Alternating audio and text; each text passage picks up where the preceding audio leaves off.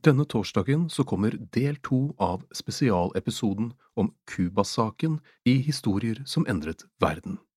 For hva skjer når et skip blir sendt fra Norge over Atlanterhavet midt på vinteren på vei til Cuba?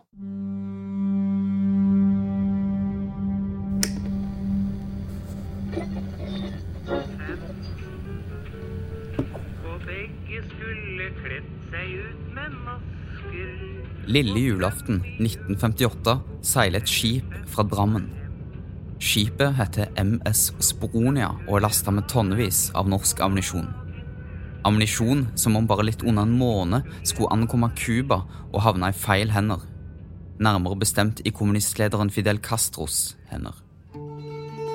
Denne eksporten var helt fra starten av i strid med Stortingets egne vedtak.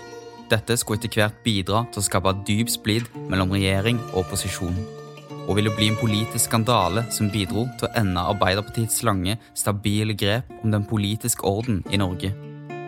Hvordan kunne det skje at Norge, uten å mene det, leverte ammunisjon til noen som nettopp hadde gjennomført en kommunistisk revolusjon? Hvordan ble det til at vi handla i strid med utenrikspolitikken til våre nærmeste allierte? Og hadde noen egentlig kontroll?